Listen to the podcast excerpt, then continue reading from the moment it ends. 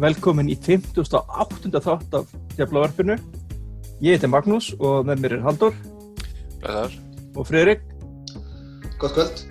Þannig að hann Björn Friðgir er fjari góðu gamni þannig að þannig að Bjössa fannst þú getur bara túnað enn í næstu viku eða hlusta okkur þrjá við erum ágættir líka en við, þarna, við ætlum að fara yfir hérna fyrsta leik Kvernaliðs United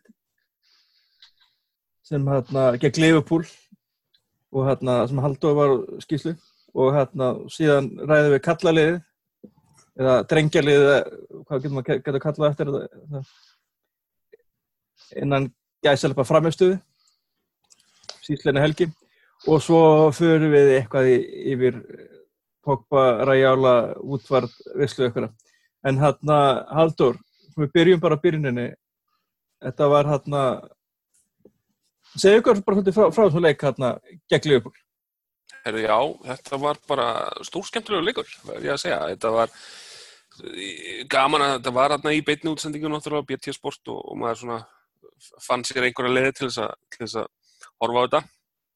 Og hérna, þú veist eins og ég, ég skrifaði nú í skýrslunni að maður hefði í, í rauninni kannski, ég átti ekkert vona á endilega einhverju svaka framistöðu svona í fyrsta leik, því að þetta, var, þetta voru í rauninni búin að vera sex vikur sem liða hafði bara til þess að hittast og kynnast aðeins og, og svo setja saman lið.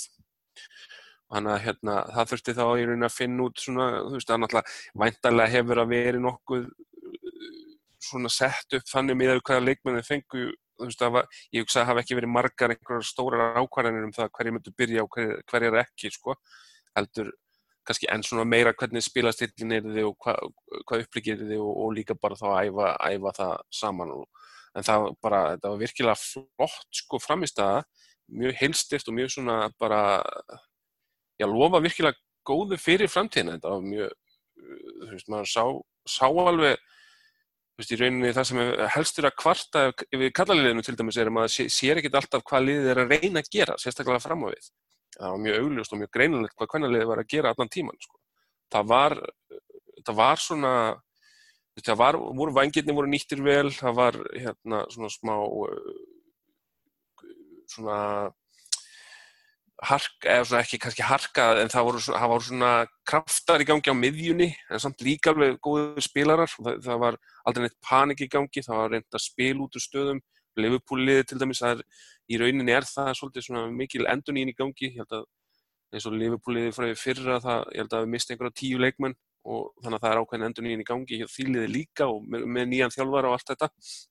Þannig að það er svo sem þú veist, kannski ágætt að setja þann fyrir var á þetta að United var að mæta með liði sem er líka í svolítið, svolítið endur nýjan og hérna þannig að maður svona þarf að sjá kannski fleiri leiki áður um að fyrir endilega til dæmis að senda liðið beint upp úr Championship-dildinni eða fara að berjast um einhverja byggarkeppnis svona dildabíkar eða, eða ennska bíkarinn en, en þetta allavega lofar eins góð og hægt er eftir hennan einan leik. En, en eins og til dæmis Liverpoolið já, það maður sá greinilega það, það upplikið þeirra var að reyna að pressa hátt á öllin þetta var svolítið svona því sem maður þekkir frá kallanliðinu er að, að, að hérna, setja hápressun að reyna að vinna bóltan hátt á vellinum og, og refsa strax þar það bara eiginlega gekk ekkert upp hjá þeim almennilega. Það United leikmenninni voru bara yfirvegar spiluðu sér út úr aðstæðanum og gerðu það bara virkilega, virkilega vel. Og þetta var svona skiptust á að sækja skiptust á að ná tökum á, á leiknum en United fjekk öll bestu færin og átti hennar sigur mjög hérna, verðskulda skilið.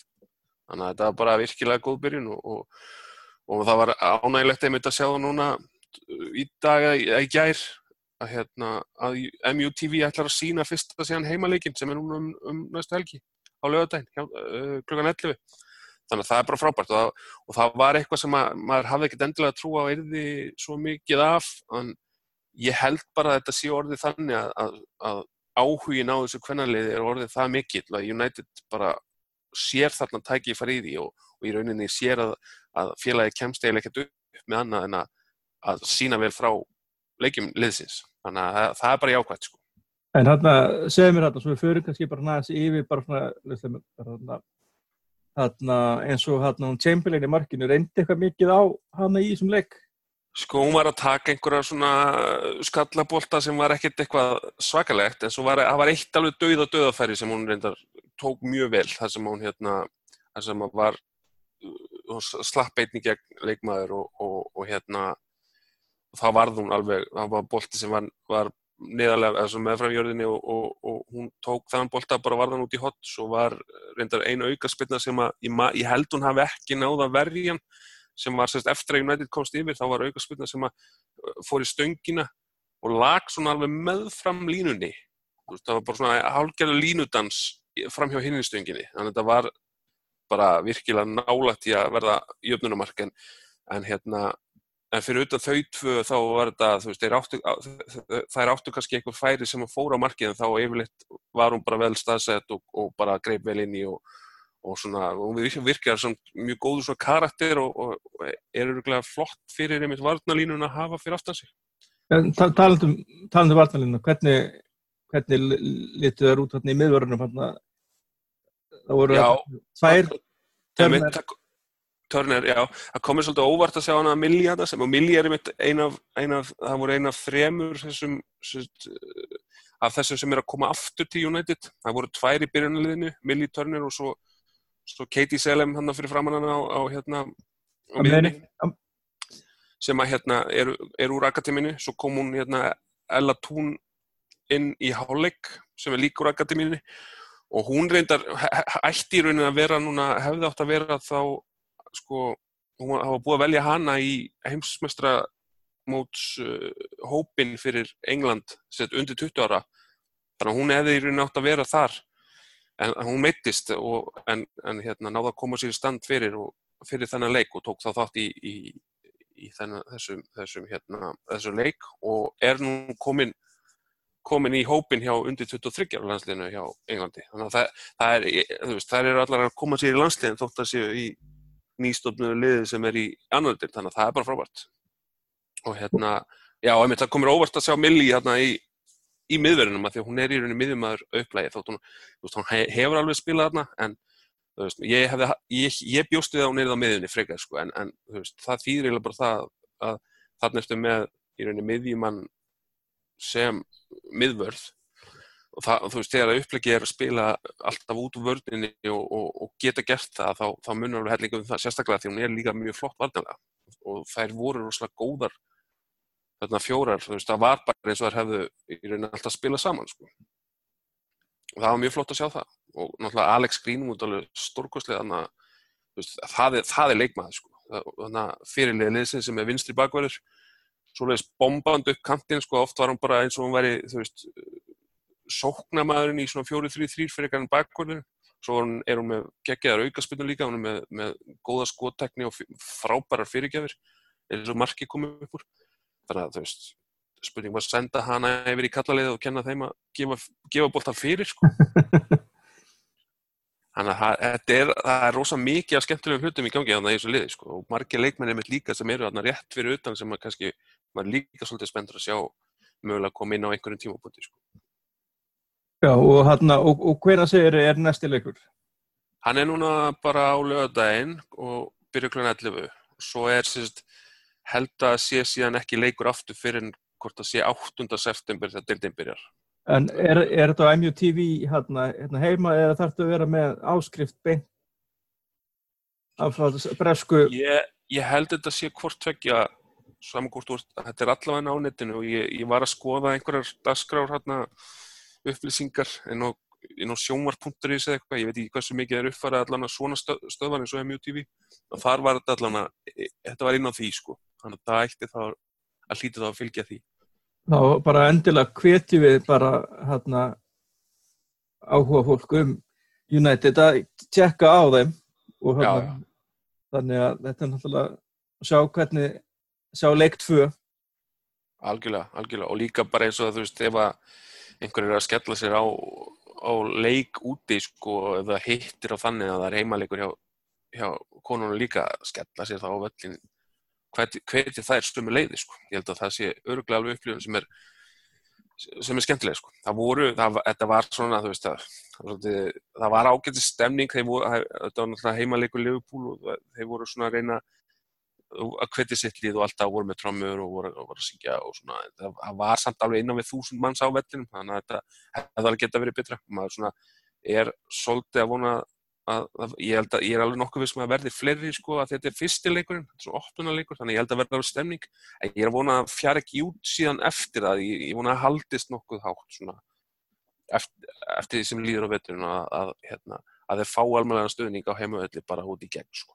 Ætli, það getur líka verið að, að þeir stuðnismenn, þá, að það stuðnisfólk sem mætir þann leik sé svona sé, þetta, þetta harðastælið sko, sem að sem að svona, minna af kannski svona túrista áhörnundum eins og er þetta hjá kallaleginu Já, þetta er náttúrulega í lí þannig að uh, það, veist, það er svolítið frá sko. Veist, það er hérna það er ekki alveg í veist, það, þetta er svona á Greater Manchester svæðinu, þetta er ekki alveg í þú veist, á sama svæði það er svolítið spottið þarna frá sko. En þetta er samt sami staður og til dæmis undir 23 ára liði spila sína leiki í Kallamegin, eða strákanir hann þannig að þú veist og einhverju leiki með undir átjón held ég að séu þarna líka. En, en, en svo er spurning sko að því að veist, það getur alveg verið að einhverju af þessum heimalegjum hjá konunum verði á öðrum völlum, verði mögulega Old Trafford og hvort það er séu þá í mari hvað hinn í Salford eða, eða Carrington eða einhverju það er allar einhver völlu sem er hérna þá nær sko sem er þá kannski minni en, en það, það, það er og svo mögulega, hafaði mögulegan á, á því að setja kannski einhvern leika út ef, ef það er bílu stemning sko. En þú, þú hérna, ekki leið, þetta var ekki leiður leikur áhors?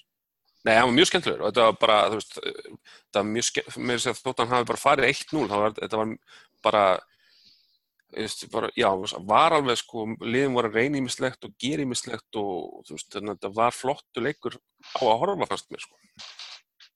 Sérstaklega náttúrulega í samanbyrðu leikin sem kom svo eftir sko.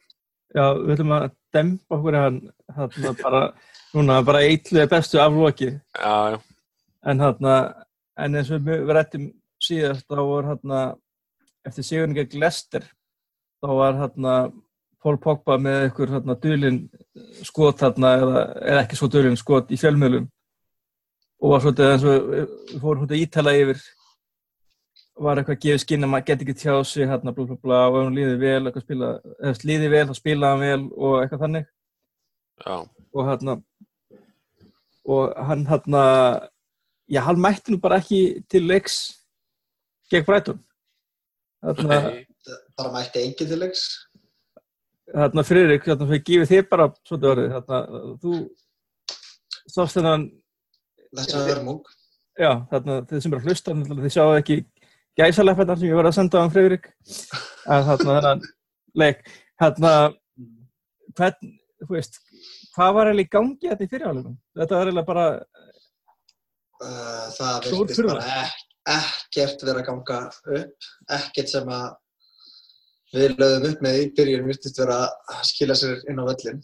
Mér fannst ég vandraði bara að byrja í, í, í hjarta orðnarinnar. Bæ og Lindelof fóru einhvern veginn ekki alveg samstiltir og, og, hérna, og það sem við sáum í lestirleiknum með miðjun okkar, Pereira, Pogba og, og Fred, þeir spiluðu mm, sko, langt undir getu í þessu leik, allir þrýr og það gerði það verkum að það var bara einhvern veginn, það var allt og langt, allt og mikið, uh, við náðum aldrei að byggja upp uppnýtt spil og við vorum gjössalega algjörlega bitleysir á þriðja helmingunum af vellinum. Og ég bara, mér, ég myndi valla að Juan Mata og Marcel hefði byrjað hann að leik, það var bara því að það var svo mikið talað um það að Sanchez ekki, væri ekki að fara að byrja og Marcel þið í staðin það er eina ástæða þegar ég myndi mér fannst það að vera gjössalega týndur og allt sem hann var að reyna var bara hann bara týndist í leiknum fannst mér. Já, sendi hérna, fyrirgæfir hérna, með hægri hérna að vinstri kantinum bara aftur fyrir og Já og svo það var eitthvað nefn bara þetta var ekki eins og, og lið, þetta var eins og í rauninu var þetta eins og þetta lið var að spila í fyrsta sinn saman, ekki hvernarliðið okkar. Það, sko, ef, ef svona fram, framheldur sem horfir þá er það miklu skemmtilegur að horfa á kvennarleikina heldur en kallarlegi þú veist, þar er alltaf eitthvað svona identity þar er sjáum við eins og haldur að vera benda á að þú sérð hvað liðið er að reyna að leggja upp með og þó maður megi kannski ekki lesa of mikið inn í stakarleika eitthvað en þá virtist enginn vera að ná einhvern veginn svona syngi hérna. Bæ og Lindelöf voru oft sko með alltaf langt á millið sín. Pereira var langt, langt frá sinu besta og mér fannst bara Fred mér fannst að vera að reyna svolítið mikið. Hann var ofta að missa boltan frá sér. Við mistum boltan held ég 16 sinnum í leiknum. Og, og en þetta breytist þetta rosalega mikið þegar hérna, Lingard og, og Fellaini voru komin ekki það þegar við sett of mikið mark á leikin Fellaini náða að krækja hann í eina vítaskjöfni fyrir okkur til þess að svona nú, nú sjáum við ekki gæsilega fyrir mínar en svona bjarga úrslitunum eða svona þannig að þetta líti aðeins skar út á bók. En Já, þetta var leiknum. Já, og þetta var, var afskaplega vel gert hann, með mann í baki og, og hérna, þegar hann var að snúa. En það sem var bara skein í gegn eftir að vera búin að horfa á, horfa á leikin var það bara, það var annar liðið sem að mætti þetta til þess að vinna. Hittliðið mætti þetta til þess að komast í gegnum 90 mínútur. Og það er bara, það er fá lið í þessari, þetta er orðið svona sterk deild, það er fá lið þar sem við getum bara mætt og, og straujaði yfir anstæðingin bara þegar þú, þú ert ekki, þú, þeir eru underdogs. Það er bara þannig að þú, þú mátt ekkert vannmynda neitt og ég menna Pascal Gross var geggjærinn á miðinni á þeim og Glenn Murray náttúrulega í fyrsta markinu, var það ekki fyrsta marki það sem að þeir lítið okkur lítið út fyrir að vera sko lilla lið, spiluð okkar alveg sundu saman. Þetta var svolítið eins og Harlem Globetrotters. Já, þetta var svolítið svo les. Hann má eiga, eiga það að Glenn Murray að þetta var alveg virkilega gott finish. Þetta var rosalega vel klarað. Bara, var, hann hefði alltaf getað hitt boltan betur þó hann hefði reyndið þetta tíu þúsund sinnum. Þetta var, myndi mann á bara þegar sko handboltamenn er að taka svona, er að greiða markmannum í, í, hérna, í vítakostum, taka svona létt ja. yfir háriðanum sko, þetta var bara, þetta var svona fókbaltaútgáða því sko. Þetta var svo listi F bara. Mjög vel gert sko, já. En þú veist, þetta, þetta var bara ótrúlega skrítið, sko, mér dætt í huga alveg nokkru leikir sem að maður hefur hort á til dæmis bara Mois, Vangal, Mourinho, það, það er þessi, þessi tilfinning sem maður fekk að leikmenn væru að býða eftir að þetta gerðist bara sjálfur sér, þetta myndi bara einhvern veginn, já við erum betra liðið og, og, hérna, og við munum vinna og, og við þurfum bara að býða eftir að það gerist og það gerist einhvern veginn það, það var ekki sem tók að skarið og leta gerast, heldur við vorum allir að býða bara eftir að myndi gerast af sjálfu sér. Þetta er svona, verið, finnst manni svolítið gegnumgangandi vandamál, alveg sama hver eru stýrliðin og, og meiri segja svolítið sama nákvæmlega hvaða leikminn hafa verið inn á vellinum. Og þetta er mjög skrítið því ég veit ekki veist, hvað þarf til þess að laga þetta því að þetta er ekki það sem við kannumst við frá United frá því Ferguson var það sem að þú, veist, þú, ekki, þú, þú sást þetta ekki ofta að, að liðið var svona einhvern veginn að sóna sig gegnum leiki bara í, í sjálfvirkum gýr, þú veist, bara á autopilot, bara býð eftir að eitthvað myndi gerast á sjálfu sér, þú veist, það var allt, alveg sama sko, veist, eins og bara topplið United þegar Ferguson var með að vissu alveg að þeir voru betri en öll önnu lið, en þau unnu samt meira en öll önnu lið fyrir sérunum, skilur þannig að, hérna, þú veist, bara fáralegt að sjá lið einhvern veginn trekk í trekk og, einmitt, og þetta er einmitt sem eitthvað, eitthvað að því að þú veist, ef, ef við þurfum á einhverju tímapunkti að fara að taka þessu umræðu hvort það sé komið gott að Mourinho að ég meina, er þetta að fara að lagast endilega með einhverjum öðrum stjó, eh, stjóra? Mögulega, en, það, veist, en ekkert endilega með við það að við erum núna með öð, ólíka stjóra sem hafa í rauninni verið að díla við sama vandamál, feist manni. Hvað þetta snertir allavega. Já, mér fannst það reyndar eins og í, í þessu leik. Mér fannst það vera rosalegt andleysi í mönnum. Mér fannst það vanta þetta svona, veist, eins og þegar Mata var kloppaður, mér fannst það vanta spretti tilbaka. Mér fannst það vanta einhvern veginn svona, veist, að leikmenn væri að gefa sig 100% í þetta verkefni. Þetta var eins og segi, svona, menn voru svona bara að býða eftir svona, að þetta myndi, þú veist, já, ok, herði við, veist, gerum þetta svolítið eins og síðustu leikti þess að við býðum þá til á 70.50 og þá keirum við þetta, svo allt er að fá okkur mark og búm, annað mark og þá allir fara að menna svona, herði, ok, við þurfum kannski að fara að gera eitthvað. Náum að klóra þessi bakkan og maður hefði haldið að þá væri allir, ok, herði, núna, núna myndast momentum, núna fyrir við að keira á þá og núna látum við þá bara taka, sko, komum þeim öllum í vítategin og erum bara dóminir með þennan leik. Og svo fáum við okkur þessa, þessa vítaspildu dóm. Alveg ekki. 100% viti og alveg ó, Já, alveg, algjörlega. óendalega heimskulega tækling. Eh, það er það þetta sem ég er enn- að reyna að komast yfir. Af hverju hann þurfti að tækla þarna þegar, mark, nefn, þegar maðurinn er á leiðinni frá markinu. Þetta er í rauninni bara það sem maður hefur verið að býða eftir að myndi gerast hjá af því hann, hann, hef, hann hefur búin að sko síðustu leikjum eins mikið og ég fíla hann þegar hann stendur sér vel og eins vel og hann byrjaði til dæmis þegar hann kom til United að þá er hann, ha- þú veist, hann bara síðustu mánuði þegar hann er heill og hefur verið að spila þá hefur hann bara lítið út fyrir að vera leikmaður sem á alltaf svona tæklingu og svona uh, bara rugg í, í sér skilur. og viltur.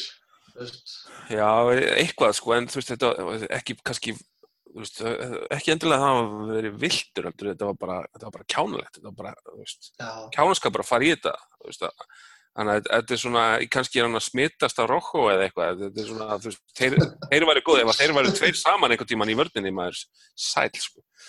En, en, við þurfum alltaf aldrei ná mörgum leikjum saman af því annar verður alltaf í leikmann. ekki nákvæmlega, ef við myndum skiptast á að vera í leikmenni, þá myndum aldrei ná að leikja saman. Já, þetta, veist, þetta er bara, sko, þú veist, Það var margt í þessum leik sem myndi mig á lestirleikin. Þarna, sem var 5-3 tapið þarna, þá var einmitt, nú, bara svona, menn mistu bara hausinn og fór einnig glóruðs og teknikar eins og Blackett kallinn sem að ég veit ekki hvað er í dag Hann var nú reynda Já. settur í rosalega vonda stöði í þeim leik reyndar. og hérna var brotið á hann í aðdraðandarum en einhver síður. Mér fannst þetta að vera miklu, miklu heimskulegra brot. Þetta var, þetta var miklu, miklu verið leikur. Þetta var bara setni hálfleikur. Hjá United, þetta, það voru hrík, þetta gerði ekkert í þessum setni hálfleik. Nei, og það var Það ekkert að Það- það var ekkert gameplan sem skein í gegn. Það er það sem fór svolítið í töðan á mér. Við vorum, var við eitthvað- vorum að, í- að tala um hennar leik hérna, á hérna, slakkspjallinu hérna, og það var bara svona, það kom komið skipting og svo var það svona 73 mínútur og það bara svona, sagði ég bara svona, og ekki einu svona að djóka, já, þetta leikurinn er bara ennþá í gangi. Ég, þurfti bara að minna mig á það, við leiðum var að hóra stillinu. já, Mér, mér fannst reyndar hérna vinnu þinn, Dóri, hann Fellaini, mér fannst hann eiga fína innkomi. Mér fannst hann, þá er ég ekki að tala um bara því að hann fiskaði þessa vítaspilni. Mér, mér fannst hann vera að koma inn og hann vildi þetta meira heldur en nokkur annar í leiðin hjá okkur fannst mér. það er akkurat það sem hann kemur með einmitt, sko, hann kemur með þetta, þú veist, þú, Svona drifkraft hann er alltaf, hann er alltaf, alltaf til í þetta, sko. Svo bara spurning, veist, hann hefur ekkert endilega topp, topp gæði í öllu, en, en hann allan hefur þennan vilja og þess að, hann gefur sig í þetta, skilur, og það er bara, það er bara meira en hægt að segja um en eiginlega alla heina leikmennina, allan sem tóku þátt í þessum leik, sko. United hefur einmitt oft verið með þannig leikmenn í liðinu, Nicky Butt, uh, John O'Shea, Neville bræðnir, ég meina, Gary Neville náttúrulega var, sko, tók þetta náttúrulega bara á, bara, þú veist, baráttunni og svona sigur viljónum. Viljanum, nákvæmlega. Hann var ekki besti bakverður í heimi, en hann var besti bakverðurinn í heimi fyrir Manchester United á þessum tíma. Algjörlega. Og ég held að sé, þú veist, það er rosalega lýsandi, ég held að veist, það sem er mest lýsandi fyrir hann leik er annan mark Brighton. Það sem að þeir bara, þú veist, þú veist það, var- þetta var ekki tilviljun að þetta datt fyrir Brighton. Þeir bara vildu meira ná í boltan í þessu första líkatrið sem var hotspinnan sem þeir skoruður. Þú veist, þetta Þeir voru alltaf líklegri. Já, klafs, þetta var klafs og þeir gerðu bara miklu ákveðnari árás á alla bolta og þeir voru bara ákveðnari í öllu og þetta, þú veist, vildi þetta meira og átti þetta meira skili, það var bara þannig. Og, og, meina- þú veist, já, þannig að ég, og svo var maður að heyra, heyra samt svona hluti eins og sko eftir hann leik eins og tvent sem maður heyrði var kannski þetta að þetta hefði verið versti leikur eftir að Ferguson hætti Já, menn henda þessu fram hvert eins sem töpum. Já, já, mjög gjarnir á því. Ég, ég samþykki það ekki að þetta hafi verið til dæmis verið leikurinn þegar United tapaði fyrir Liverpool undir stjórn Moyes eða. Everton leikurinn sem var einn af síðust leikurinn eða, hvort það var ekki- minnast á þetta. eða Olympiakos leikurinn eða bara Van Gaal hérna, sem að hérna, desemberinn desembermánuður hjá Vangal þegar hann tappaði fyrir Wolfsburg, Norwich, Bournemouth og Stoke. Það var tölvöld vera. En þetta var samt ekki gott, eða, veist, þetta var mjög slemt. Þetta var einn af þessum allra vestu leikjum sem að liður spilaði undir stjórn Mourinho og það er alveg hreinu. Og, og ég er svo svektur líka þú veist að því að sko, á blagamannafundinum fyrir leik þá var ég rosalega ánæg með Mourinho þegar hann kom og var svona, hann var að skjóta á mannstu sitt í, hann var að svara spurningum, hann var rosalega mikið að standa upp fyrir digge og verja hann fyrir fjölmiðamönnum og, og hann var svona að tala um legar í fréttamönnum, hjá fréttamönnum og svona sko eitthvað, þú veist, e, það komment var eitthvað sem myndi mann á, á förgi og, og, og þetta, þetta sitt í skot var eitthvað, veist, þetta bara svona virkaði á manni svo herðu, þetta er svona, maður er að sjá glimps af hérna klassiska Mourinho, þú veist, hann er, hann er að kveikja á, hann er að kveikja á þessu, sko, en, þú veist, og fá síðan svona framistuð í kjölfarið af því, þá bara einhvern veginn, já, þú veist, þá bara fer allt loft úr manni einhvern veginn og, mm. þú veist, það er rosalega, svona, líjandi, sko. Það er ótrúlega fyndið að sjá munið umfylgur um hann og Guardiola bara þegar kemur öll í fútballþjóðum. Já, en svo var hitt hitt sem ég ætlaði að tala um, þetta var, þetta var eitt þarna, en svo var hitt sem ég ætlaði að tala um var að allir voru að segja, sko, já, ekki allir, en mjög margir voru að tala um, bara já, eh, veist, þessi miðverðir voru nú, báði miðverðir sem að Mourinho kefti, ættu við eitthvað að treysta honum fyrir því að eða 60 miljónum í einhvern annan miðverð og hérna, þú veist, ég held að þessi leikur hafi akkurat sínt af hverju United þarf einhvern miðverð eins og aldrei verið einhvern alvöru leiðtúa sko. þannig að alveg klárlega já þá hefðu alveg getað tristunum fyrir það fyrir utan það að þú veist Hann getur Pogba, hann getur Lukaku, hann getur Matic Já, já líka það, þú veist, þú getur ekki sagt að já, þessi tveir voru einhverju sem hann keipti og þeir kostuðu samtal 60 miljónir. Þú veist, hvað færðu þið fyrir 30 miljónir í þessu þessu stöðu núna? Þú færði ekki heimsklasa leðtóa í verðina. Nei, þetta er ótrúlega heim, heimskulegt. Sko það sem ég held að hafi, ég, ég er svona búin að vera að pæla í þessu, ég held að sko þessi kaup, þegar hann náttúrulega er búin að kaupa tvo miðverði og ég held að þetta hafi verið svolítið blanda því að þessi, bæði þessi sumur þegar þessi tveir miðverði koma þá voru risakaup, þannig að voru, var Pogba og svo Lukaku þá kannski var ekkert budget fyrir því að vera að kaupa síðan 50, 60, 70 miljónuna miðverð líka þannig að ég held að þetta hafi verið meira það að það verið hugsa um það að reyna að kaupa inn betri miðverði sem svona, svona inn í hópin þannig að þú gætir farið að losa um þessa félaga hérna, Smalling, Jones, Rocco blind náttúrulega farin veist, aðeins að fara að losa út líka. En þú veist það er ekkert að gerast ef þú veist síðan getur ekki keift sko að því eins og núna það er ekki eins og hafa verið komið einhver risakaup þetta sumarið. Pluss það að ég heyrði það hérna Phil Brown vinnur okkar sem er fréttamaður hérna á ESPN sem er virðist vera mjög tengdur. Hann er, fá, hann er ofta að fá mjög alveg topp leikmenn, fyriröndi leikmenn og núverðandi leikmenn United í, í, í þætti til sín, hann var gott að hann var ekki svo fyrsti sem tók viðtal við Lukaku eftir að Lukaku samti við United en hann er alveg tengdur, hann sagðist hafa það eftir sínum heimaldamanni og svo það að það væri tröst heimild að United hefði verið búið að kaupa aldevereld á 35 miljónir og Woodward hefði sagt neip, við sjáumst í januar ef það er satt, þá er það ekki svona glatað múf, af því að veist, 35 miljónir fyrir alderverend það væri, það, veist, það væri svo augljóst dýll, ég skil ekki, þú veist þótt að væri 50, sko þetta er bara,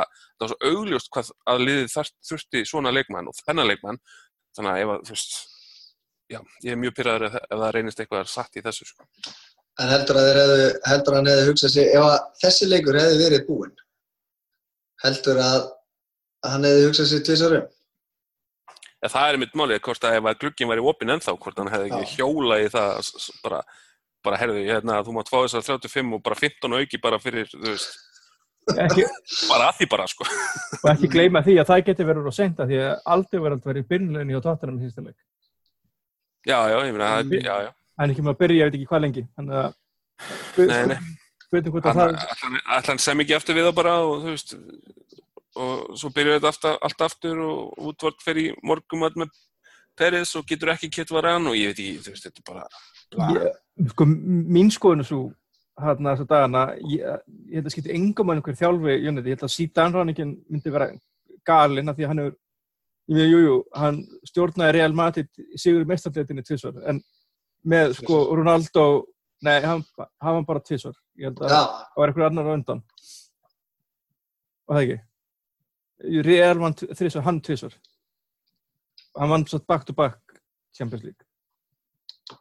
Og þarna, ég meina, hann, hann þurfti ekki byggja neitt upp.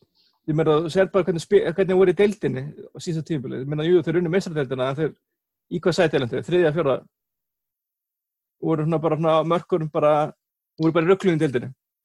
Og þarna, og hann náttúrulega var með sko Ronaldo sem var að spila sem bara sín bestu ár bara ever. Og, og það var mikið sagt. Og með sko Bale og Benzema og Asensio og, og er lið sko þetta er ekkert hópur sem hann fær hjá United. Hann er með skilur hann er með Martial undir getu Lingard sem er svona sem er ágæta leikmaður. Ég meina, þú veist ég, ég, ég elska Lingard en hann er bara, svona, hann er bara fýll leikmaður. En það er engin sko hann er frábær leikmaður til þess að hafa í hópnum. já, hann er nákvæmlega það. Frábær leikmaður til að eiga í mitt í svona liðupúslegina og svona þessa grannarslegi en við erum ekki sko nærði því með þessi gæði sem hann er vanur að vinna með og Nei, nei, það er spurning hvað, þú veist, en ég flætti þessu upp, þetta, hann, hann tók þrjá í röð, meistadilda til að með, hann var Var- öll var- var að sýta hann að trúskiptin já, já. Já. Þannig að hérna, hann, það er þokkalast afreg, sko, það, og sama þótt þú byrjir með einhvern styrlaðan hóp og þá þarfst að vera góður þjálfari líka til þess að klára það, sko. Líka eins og með deildina núna síðasta veitur, ég held að ég hef fattað það mjög snemma að þeir væri búin að missa af því að vinna deildina, þannig að þeir, hafi ekkert verið að leggja mikla áherslu á deildina, bara megnið af þeirri keppni, sko. Þannig til að þeir allt í hennu föttuðu bara heijú, kannski, kannski betra að vera allan í meistaradildasæti. Svolítið sem að voru inni og glimti á sínu fyrsta. Nei, ég held að, ég held að hann hafi bara, það, jú, en það, það, þar var hann með svona, jú, ok, við tökum þá bara Evropadeildina og tökum setja þannig. En hérna, en, en eins og með, hérna, veist, ég, ég, sko, væri ekki bara sniðut að reyna að sannfara Júfi um að það væri rosalega romantist að þeir fengju síðan, þá mættu við fá Allegri. Svona, svona eftir, kannski, eftir þetta tímabili eða næsta tímabili. Væri það ekki rosa fín dýl bara? En það er hérna annar punktur sem ég hef búin að hugsa. Ég held að skipta ekki neina máli hvað stjórnusliðið menna fútfart er að taka eitthvað knastbyrnu ákvarðanir. Nei, og ég, þá, þú veist, ef við fáum hennar tekni, þú veist, að tala um sko, ef við fáum tekni ráðgjafa, eða tekni, Mhm. technical director og ef að link, ef að hann að fútfart er ennþá með puttana í öllu þessu, ég minna þá þá getum við verið með eins marga, sko, yfir með knastbyrnumálu við viljum og við getum verið með, þú veist, Zidane, við getum verið með Guardiola, við getum verið með, þú veist, whomever, skilur, og það myndi það myndi breyta hennu. Nei, nei. Þannig, þú veist, þannig að ef, þannig að ef þetta sem að Dubrún sagði hérna með aldiverald er rétt, þá er það bara, þú veist, það, ég veit ekki alveg, ég skil ekki alveg af hverju það er sagt nei. Og ég skil ekki af hverju, e, og ef að Mourinho er ekki með tröst, af hverju hann er þá ennþá að þjálfa liðið. Það er, er, er ekkert þetta sem a sense. Nei, nákvæmlega. En taldu um skemmtileg fréttir, þá var hérna, hérna hinn helviski drullasokkur Mino Raiola af einhverjum hérna orðaskots leik á Twitter á Paul Scholes. Og hérna að því að hann dyrðist að það ekki að gaggrina heilagan Pogba. Og þetta er náttúrulega gert bara að tilsetja Pogba en það getur bara ekki annað verið. Það var hérna hún Annie Eves, bersku blaðmar og United aðdóndi var um að tala um sko að- Raiola gerir ekkert sem umbæðsmennins vilja ekki en þegar best hér þá er það bara þá er það, þú veist, þá er bara bitið til blóðus og ég meina þetta, þetta er búið umræðan um þetta dæmi er aðeins bara minkað síðustu daga en þetta var hérna núna um daginn bara að komst neitt annað fyrir í hérna umræðinni á Twitter og annar staðar en hérna Halldór. Já. hvað, þý, hvað þýðir þetta þú veist, þú veist er, er verið að er verið að gýra það að þessu félagskipti til, til Barcelona verði, þannig að það verði bara nöðsinn ég, ég, ég veit það ekki alveg sko, ég sko ég, að því þarna, þú veist, hann var í rauninni ekki að skjóta á félagi þarna að því að sko þetta var náttúrulega bara skóls kom þarna, hann var pöndit hjá, hvort hann sé ekki hjá BT Sport eða eitthvað kom bara strax eftir leikinu og fór að tala um að vantaði leiðtói í liði og þegar, það er bara það sem við erum búin að vera að tala um þú veist, mjög lengi að hérna, það er alveg eitthvað sem að þarf að gera veist, og, og, við erum alltaf við erum alltaf að býða eftir því að, að, að Pogba stýja upp í það hlutverk að því að þegar maður stundur sé, þú veist, maður sér svo oft leiðtóðan í honum en svo hverfur hann líka alltaf oft, þú veist, hann tekur þetta að sér og verðist sjálfur alveg líta á sig sem leiðtóða og vilji vera það. Ég er bara, ekki- ég held, ég er bara ekki svo veist að sé það. hann hefur alveg, ég finnst hann vera það þegar hann sýnir það, sko, en, svo, en ef, þú, ef þú ert það ekki stöðut, ef þú ert það ekki þegar móti blæs, ef þú ert það bara þegar velgengur, þá náttúrulega ertu ekkert sérstaklega leiðtói, skilur Nei, en, en ég, held, ég, held, ég held ennþá og ég vil trúa að hann hafi þetta í sér en veist, hann er ekki hann er ekki byrjar að sína það á því leveli sem að maður bjóst við að myndi, myndi vera komin á, á, á þessum tímapunkti. En allan að þess að skól saði þetta bara að vanta leiðtói liðið skól, og að hérna, Pogba væri ekki nógu stöður þetta er bara 100% sammála skóls með það. Þetta er bara 100% rétt. algjörlega, Mhm. ég, maður er ekki alltaf búin að sammála um síðustu ár þegar hann hefur verið að tjá sig en þarna var bara spot on.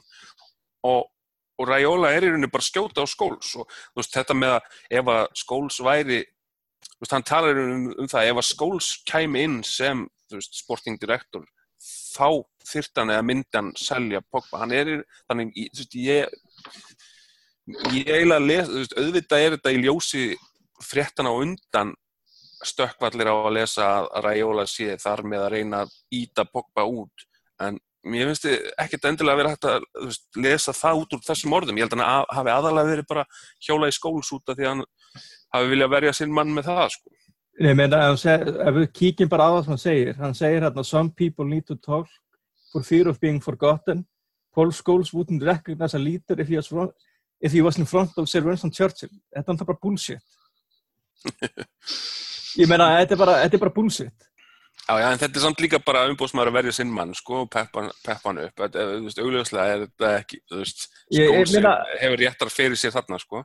en svo, kom annar tíst líka það sem hann talaði um að Já, svo segir hann í kjölfæri, Paul Scholes should become sports director and, and advise Woodward to sell Pogba would be sleepless nights to find Pogba a new club. Hann náttúrulega, sko, hann takkar Paul Pogba í bæði tístin. Já, já. En þarna, þú veist, þarna, þetta er svolítið lúmst að því að sko, eða svona, veist, að að þetta er er hann í rauninni ekki að segja að United ætti að selja Pogba, hann er bara að segja skólsætti þá að standa við stóru orðin, fara allar inn með þau og segja United að selja. Já, en, en það var ekki það sem að var að segja. Nei, nei, það er ekki það, algjörlega. Þannig að, sko, ég, hérna, það getur vel verið að hann sé að verja hérna kunna sinn og allt það, það er svo sem skilum maður, en ég meina, hann veit nákvæmlega hvernig hægt er að lesa þetta öðruvísi. Auðvitað, þó við þó- þólum ekki og Alex Ferguson var hann ekki, og þá, þá er hann sko. Þannig að hann veit nákvæmlega hvað þetta gerir. hann líka, þú veist, að því að það er stundum talað um það, hann svona reyna að koma einhverjum hreyfing alltaf reglulega til þess að hann græða á því sjálfur sko, að hann sé alltaf einhvern veginn í einhverjum eigin hagsmunum þú veist, þegar hann er að selja menn hingað og þangað og, og, og, og eitthvað en hérna, og skapa vesen og svona en þú veist, ég held að leikmenn að þessu kaliberi sem hann er með sem um, um, þú veist, er, er, er sem sagt umbóðsmaður fyrir, að þeir væri ekkert hjá hann lengi ef að þeir þú veist, ef að þeir heldu að hann væri ekki að berjast aðalega fyrir sínum hagsmunum, og þeir líka, heldu að hann væri að berjast fyrir hans eigin hagsmunum umfram þeirra hagsmunum, þá mynd, væri hann fljótur að missa alla kúnana, sko. ég, fyrir utan hann náttúrulega, leikmenn náttúrulega geta alveg bara, þú veist, þeir eru ekki algjörlega viljuleg sverkverð þegar kemur að þessu. Nei, Meina, nei, Þó svo að umbúrsmannar vilja að fara eitthvað, því að þeir fara, skilur við. En Er hann ekki, en Ræðjóla, hann er líka umbásmaðurinn hjá Lukaku, er það ekki? eh, var, var hann ekki hægt? Var. Var hann ekki komin hjá eitthvað JC fyrirtæki hann hann Lukaku? það eða var að eða var það bara-. Eða var það ímyndar fyrirtæki? Ég man ekki, það var einhver umræð, fólk var ekki alveg 100% að hvort hann væri ennþá hjá Rajóla eða ekki. Þetta var allan í slúrinu um að hvort hann væri að ætlaði að breyta til eða væri eitthvað íhugað. Ég man ekki alveg hvort það var einhvern tíma staðfest. Sko, slúður, slúður, var í mann eftir á síðan var að, að Lukaku væri svo gott sem búin að því og að Pól Pogba myndi gera mögulega líka. En það sem eru auglustlega ekki gæst. Sko, sangvað transfermarket síðan þá er Raiola ennþá skráður sem umbúrsmaðurinn hans Lukaku. Þannig að það hefur líklega verið eitthvað annað kannski með þetta Jay-Z-dæmi, það bara kannski verið eitthvað auglýsingatengt eða eitthvað. Já, selin eitthvað hérna, ímyndar eitthvað. En, en svo náttúrulega, þú veist, þú veist, ef hann væri, e, þessi umbúrsmenn eru peningagráður, það er þessar stjórnur eins og Pogba og stóst sestun upp, það kemur svo mikill peningur annar staða frá. Já, nákvæmlega. Sér líka bara, sér líka bara hver, hverja hann er með. Hann er með, sko, Lukaku, hann er með Pogba, hann er með Verratti, hann er með Donnarumma, hann er með Mkhitaryan, Blaise Matuidi, hann er með Balotelli, hann er með Justin Kluivert, hann er með Zlatan Hjálla, hann er með Sergio Romero, hann er með, þú veist, listin er endalög, skilur. Hann, er, hann þarf ekkert að vera að jökla mönnum hinga og þangað. Við mögum að væra því, menn þá væri Romero farin eitthvað annað.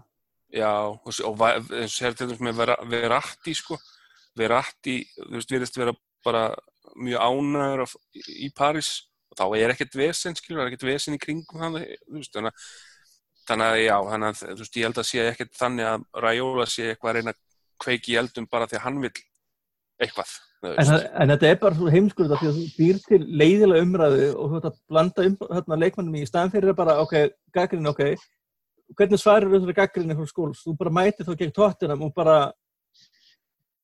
Já, það er auðvitað einu viti. Sýnir bara í leik, ekki láta umbásmannin sko, veist, þetta er svona... Svara fyrir þig? Já. Já, bara svarar á vellinu. Það er náttúrulega langsterkasta leiðin. Og þegar það kemur í ekkmært gaggrinni, menn allir sem horfið á hana leik, hljóta að sjá nákvæmlega það sama. Já, já, já, ég meðin, Pogberg samt sagði það líka alveg sjálfur. Hann tók það alveg bara, ég var langt frá mínu besta og ég mætti ekki innan leik með rétt huga þar. Og... sem er rosalega skríti komment samt jú, það er frábært að taka, já, já. Að taka ábyrðina og allt það. En þú veist, af, en, það, þú veist af hverju var það ekki með rétt hugafær hvað er það, veist, hvað er málið? Og hérna, og líka þú veist, hann verður þá einmitt að því hann segir þetta eftir leik, þá er eins gott að mæti þá bara með rétt hugafær í næsta leik. Já, það er bara, bara mánundagurinn þá bara Já, já, af því annars skiptir engum máli hversu oft þú segir sorry og, og bara ég var ekki með rétt hugafar og tekit á mig og bara, þú veist, ef þú segir það alltaf og, og breytir einhvern þá þú veist, þá verður þetta alls í þund, mjög fljótt sko. Mm. En hérna, ef við sko, lítum aðeins á leikin á mánutægin hvaða breytingar myndu við vilja sjá á liðinu frá þessum, breytuna uppstillingu Já, hérna, ég ætlaði einmitt að Já, ég fyrir ekki, ég ætlaði ekki En hérna, ég ætla að reyna bara í byrjunlið hérna, eins og var gegn breytun og þá ætla að þetta ekki e-markjur í mér og það er sennilega ekki að breytast. Vörðin á sjó Lindelöf, Bæi og Young í hæri bakverði sem var skelvilegur Hérna Já, hann var bara í Þú veist að því við vorum búin að tala um þetta að við vildum frekar sjá hann hann heldur en Darmian en bara, herru, Darmian má vera þarna bara í allan vetur frekar en að, að Jón komi aftur þangast. Sko. Já, sérstaklega ef hann er, ef hann er komið með hausin aftur til mannsestir, hann var alltaf... Já, það er, það, hann var hann á samfélagsmiðlum í dag, þá hann byrta mynd hann það sem að mér sýnist þetta að vera að fagna Europa League, nei, þetta er, þetta er núna bara um daginn, þetta er hérna í nýju búningunum. Og það sem það segir Stronger Together, United og uppröfnumerki og svo hérna emoji fyrir hérna upphandlisöða og, og svo takkar hann mættisvættið þannig að ég minna er maður er alltaf í því að er að lesa eitthvað út úr samfélagsminnum ég minna, er þetta tólka þetta öðruvísi heldur að vera bara áfram? Það heldur ég ekki, ég held að það sé bara... Hanna...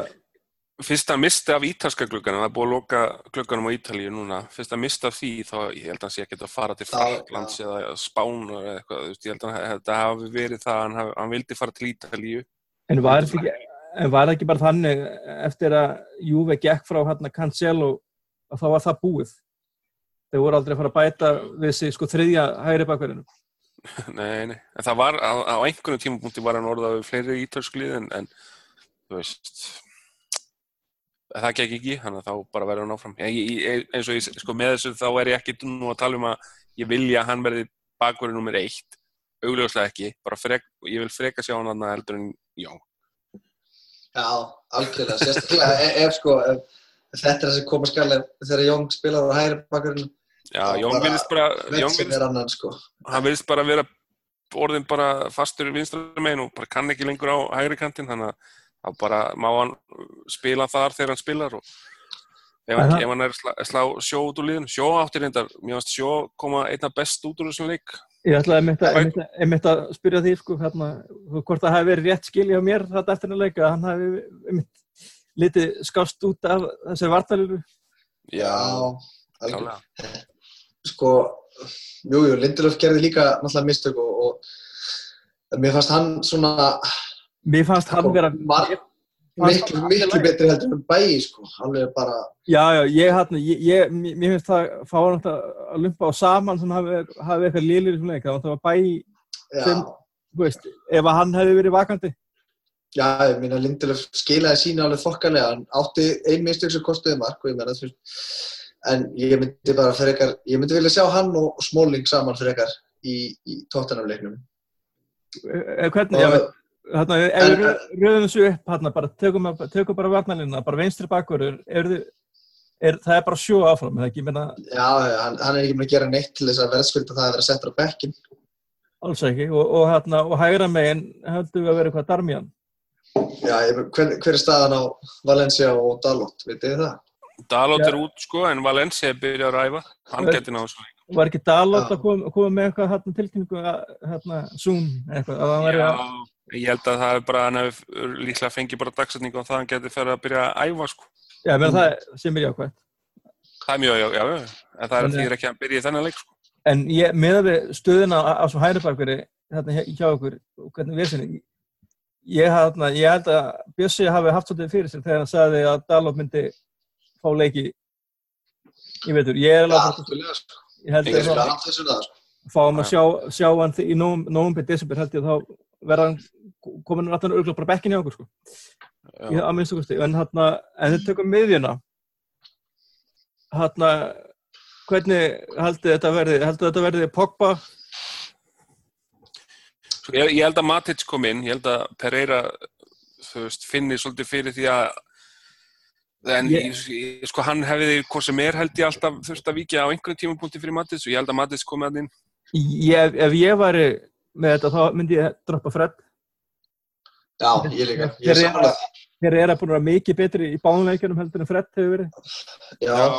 hann reyndar Pereira var langt frá sínu besta síðast. Og það er spurning hvort að hann veist, er svolítið mikið kannski að kvötta tvo af, af miðunni af þreymur en sko ég myndi alveg vilja sjá fæla íni þarna á miðin er ekki vitið þið hvernig þetta tóttunum er búið að byrja?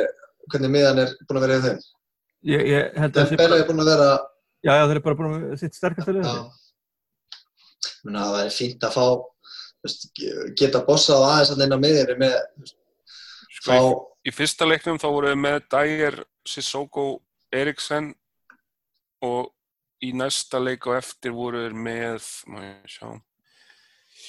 þá voru við með Dægir svona aftastan og Alli og Eriksen fyrir fram þá voru við að spila sko þrjá þetta er stilt upp sem þrýr, einn, fjóri, tveir í síðasta leik sko á tóttina þannig mm. það er spurning sko hvort það væri ekki bara sníðut Veistu, hvort það væri ekki sníðut hvort sem er eins og til dæmis þegar maður, segir til dæmis með United að myndi bara henda smóling þannig á milli Lindelöf og bæi í vördina taka svo wingbacks á þetta vera með Valencia hægra megin og þá Young eða Sjó Sjó á ekkert skilja að missa sætið sitt það var Sjó mm -hmm.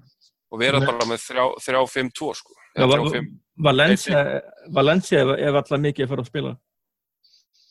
Hann er búin að vera æfa, er það ekki? Já, er, er hann er hann ekki bara nýbyrjar?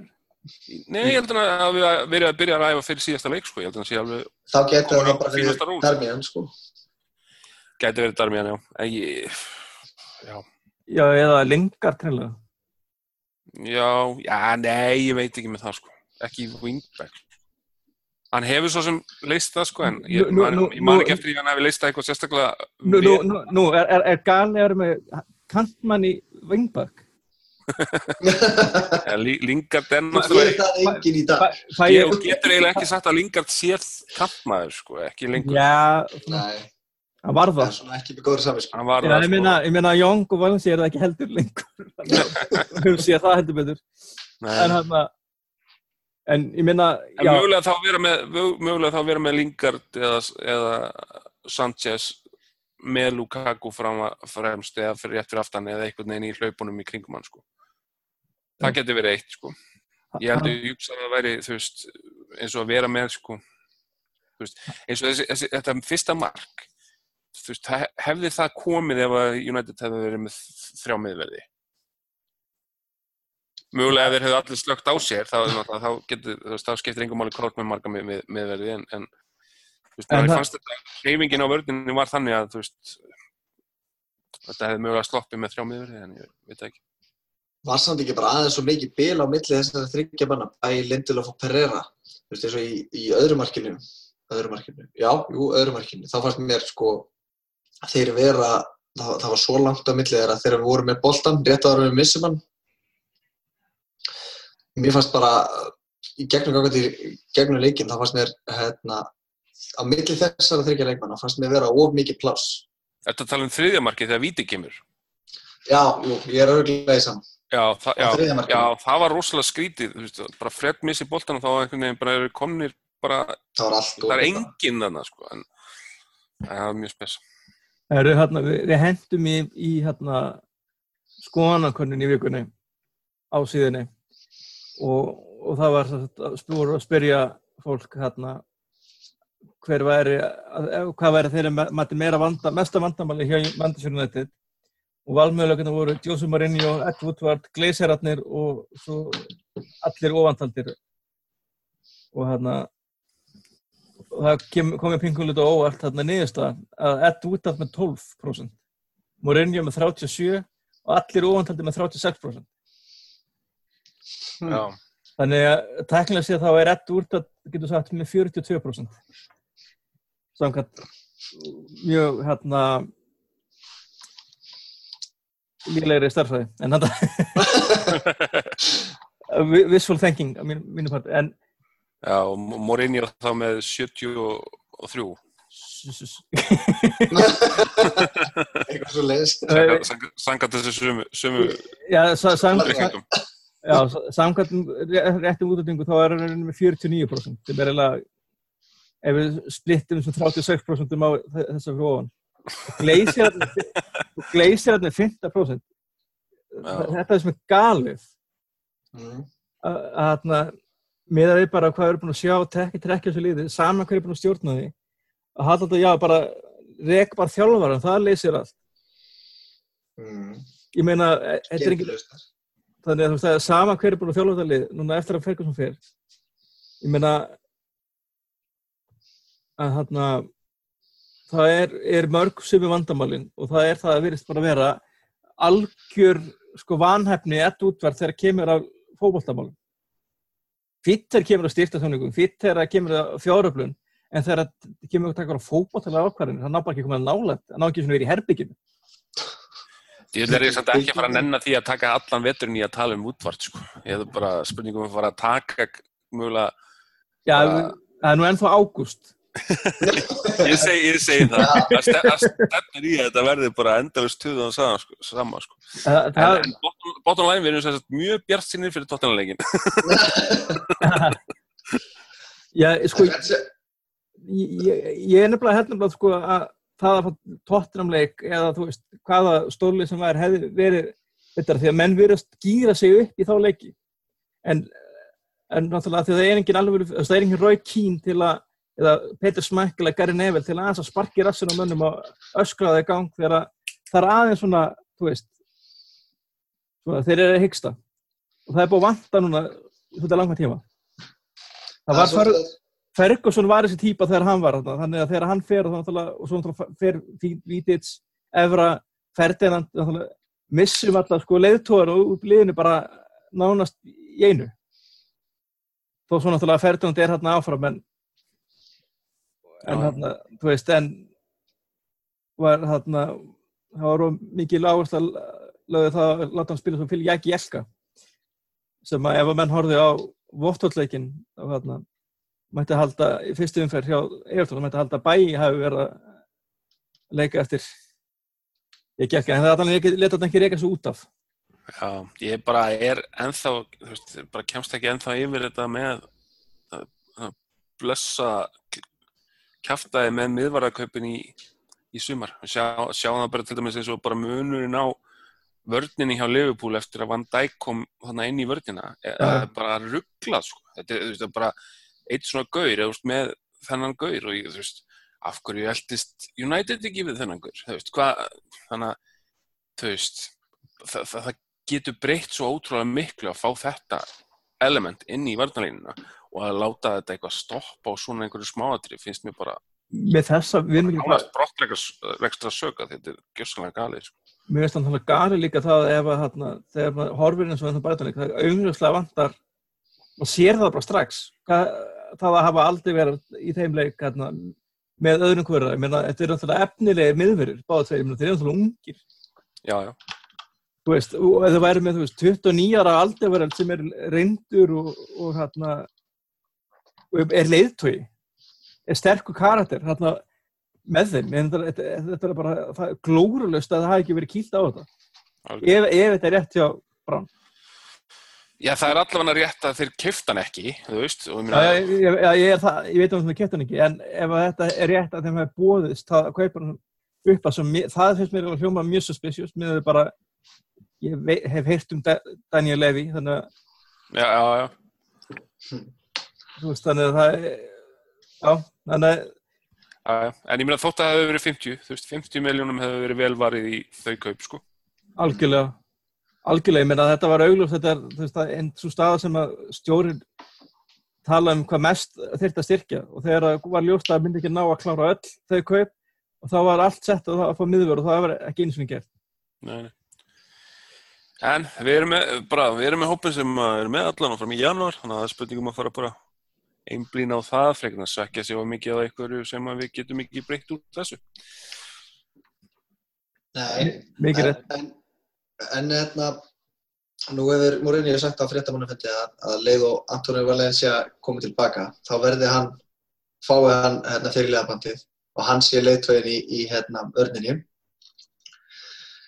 Uh, myndu vilja sjá til einmitt að Lukaku sem síndi það á heimsmyndsturmótinu að hann var virkilega, hann var gæinn sem að var að peppa liðið áfram, hann var gæinn sem að Ég, ég hefði viljað sjá það móti Brætum. Nákvæmlega, fá, fá upp einmitt svona, þú veist, er ok, núna rífa okkur í gang. Þannig það er, menn náttúrulega þurfa að vera, þú veist, þessi leiðtúr ekki bara heimsvæstarkeppni, það þurfa líka að gera það útilegjum á Brighton og, og, og, byggarlegjum gegn Scunthorpe United og eða Macclesfield. En þá líka á ekkert að skipta máli, ekki öllu máli hverju með bandið, af því að núna voru Korki Pogba nýje Lukaku með fyrirlega bönd sinna landsliða.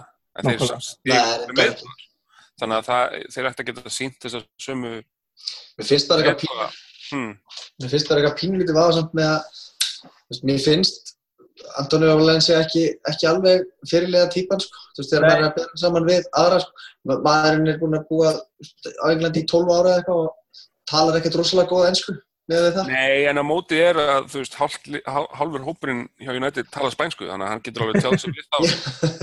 Þannig að hérna, það er auðvitað ekkert, þú veist, og hann er fyrirlið hjá Ecuador og þú veist, þannig að augljóslega er hann leiðtöfi þótt hann sé ekki eins leiðtögi. Já, hann er væntalega bara inn í klefanum og æfingum og á Já. vettinum, þá er hann væntalega með eitthvað. hann virkar rosalega já, lítið drífandi á- þú veist, ef maður horfa hann það nefnir bandið en maður sé, sér hann voru lítið þú veist, hvað segir maður, vera fyrirlega legan En það það er kannski, þú veist, kannski hann, gerir hann mest af því bara þegar myndavélarnar er ekki á honum. En, en ég er samt, þú veist, alveg sammálega svona, ég bara, þá lít, lítur hann ekki út fyrir að vera mikill fyrirlið. En nei ég, það er svo og ég er ekki svona viss bara hvort að Pogba eigi verið fyrirlega heldur ekki eins og staðin er núna, þá bara frekar að hafa, Valencia hafi það. Ég meina, Bogba verður að, ef hann ætlar að vera þessi leitu og fyrirlið, þá bara, þá ver- þá ver- þá verður hann vera bara sér frá því að það sem er bandi Já, nákvæmlega. þá er það bara að sína hans í fyrirlið þú veist, það er bara ekki, bara, þú færð bara ekki bandi og þá ætlar bara, ok, ég er fyrirlið þú þarft ekki endalega um bandi til að vera leiðtói Akkurat. Alls ekki, sko. en þú þarft náttúrulega til að vera, þú veist, almennu leiðtói þá náttúrulega þarftu að þú að rífa lið áfram og gera hluti þú veist, ég meina fyrir utan þessa tí, hérna, þessa korter hérna gegn City á hérna Etihad þú veist, þá hefur hann ekkert gert vola mikið að því að öllum að drífa liðið áfram og svona rífa það áfram, það er svona, þú veist taka svona Rói Kína á þetta. Þú veist, er, veist að þetta er leikbann klára samt júi kemur liðinu bara áfram, bara gera bara svona að gera. Og ég, ég er bara ekki vissum að þessi leikmar sé í United í dag, þessi típa er bara þessi leiðtói og það er bara þessi típa sem vantar í hérna hóp Mm. Ég held alltaf að Herrera myndi reynast okkur svona maður. Hann virðist vera með alveg United hjarta úr gulli, sko. já, hann er samt ekki alveg Hann- svona endilega, kannski ekki alveg nóg góður veist, hann er svona, hann hefur sína kosti, já, hann hefur sína kosti og getur spilað á, á sína stórleiki og svona, en kannski ekki, það er, er ekki að treysta á hann sé alltaf fastamæður endilega, sko.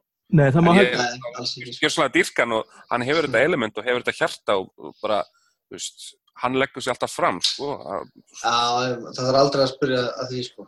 En það má alveg ekki gleyma því náttúrulega að Rói Kínu var frábær knarspöldumar. Hann var bara með mikil gæði bara á vellinu. Já, Hann var ég ekki bara, að- hann var ekki bara einhver, einhver geð, írskur geðsúkningur á miðunni. Ég meina, Ég held að Darren Hann- Fletcher sem var að tala um að Rói Kín verið besti sendingamæður sem hann er nokkuð tíman bara spila með eða á múti, sko. til að setja það í smá samengi þá hefur hann verið með að spila með hérna með Michael Carrick og Paul Scholes. Paul Scholes og hérna skoski snillingurinn hérna hjá Stoke. Já, já, já, en hann allan að væ- væri svona vannmetinn, alveg, alveg rétt, sko. Hann, hann gæti alveg spila bolta, hann var ekki bara einhver svona muscle, sko.